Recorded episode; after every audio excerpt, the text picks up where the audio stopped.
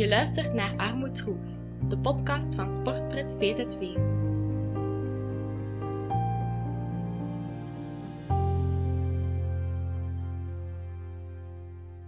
Welkom bij onze volgende podcast van Armoedroef.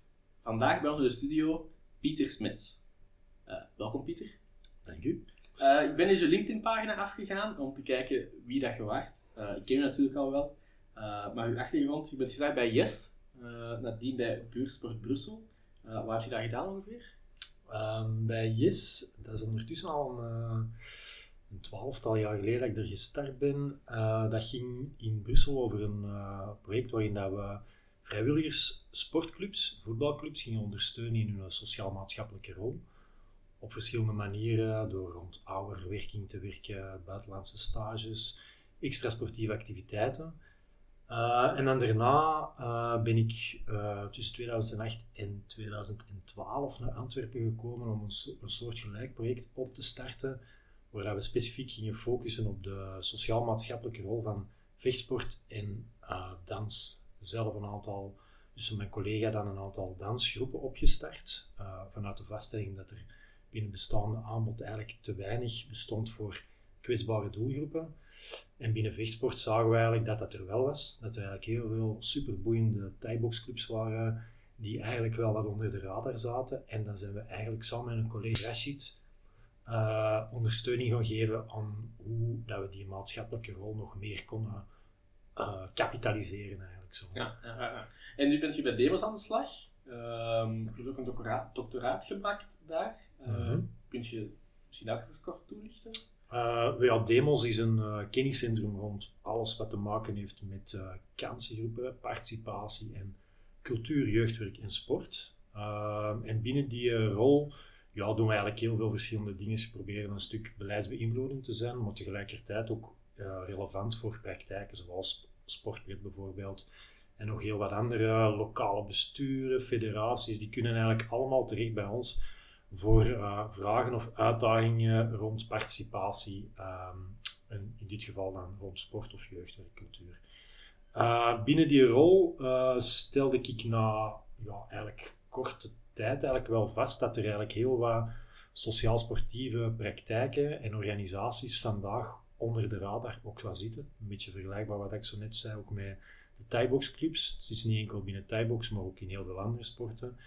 En dat die eigenlijk nog, ja, misschien ook niet genoeg gezien worden door het beleid en door onderzoek.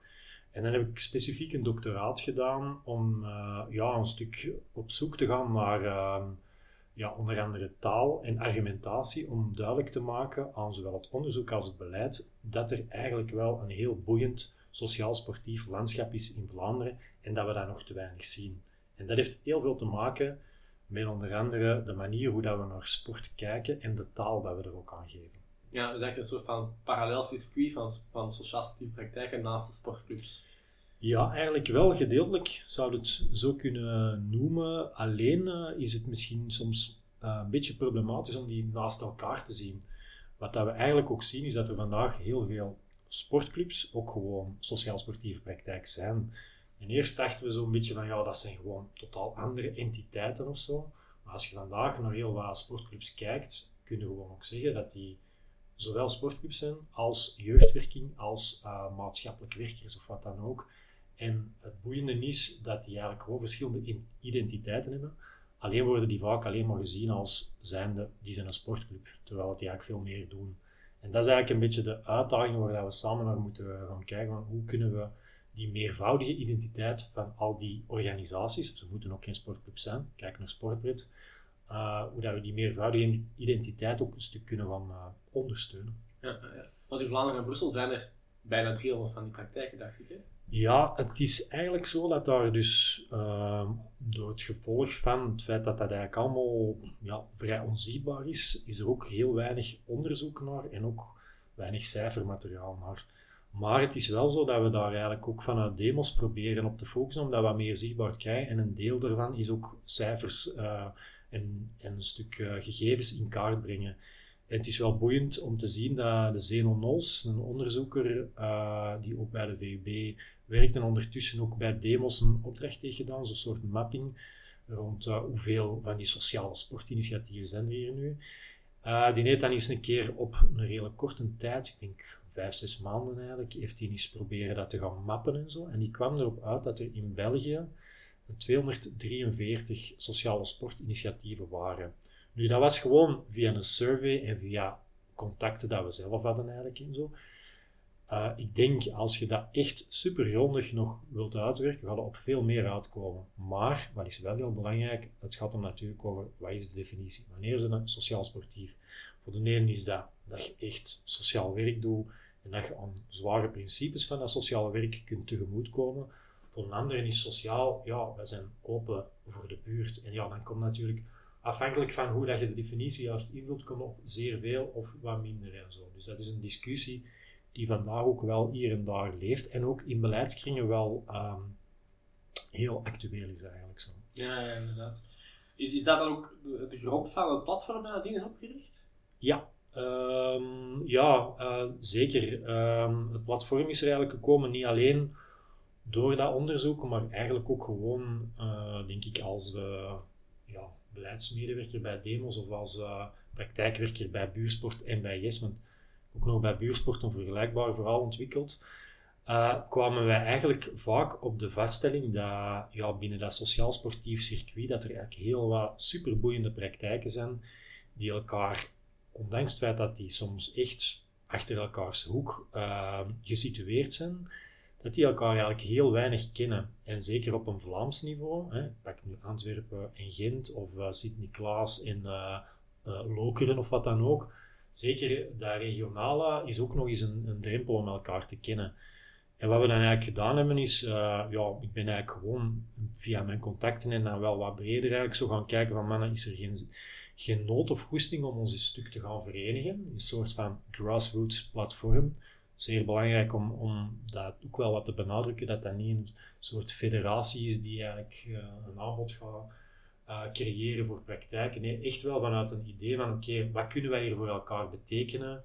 Uh, een beetje gestaafd inderdaad door dat onderzoek. We gaan kijken naar hoe kunnen wij eigenlijk een context creëren waarin we elkaar kunnen versterken. Ja, bottom-up eigenlijk, vanuit de praktijken. Super uit bottom-up. En ook wel, hoe kunnen we misschien samen door, uh, ja, door de veelvoud van praktijken dat we zijn, misschien meer op dat beleid gaan wegen als dat jullie dat allemaal apart gaan doen.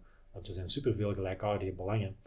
Uh, als je met ene praktijk dat doet of ene persoon, namelijk ikzelf vanuit demos, dan gaat dat misschien veel minder impact hebben als dat er 30 praktijken samenschrijven aan een memorandum dat richting de minister gaan. Uh, ja. Dus de kracht van het getal speelt toch ook wel een stuk daarin. Hè? Ja. En dat memorandum, wat zijn daar de, de grote pijlers uit?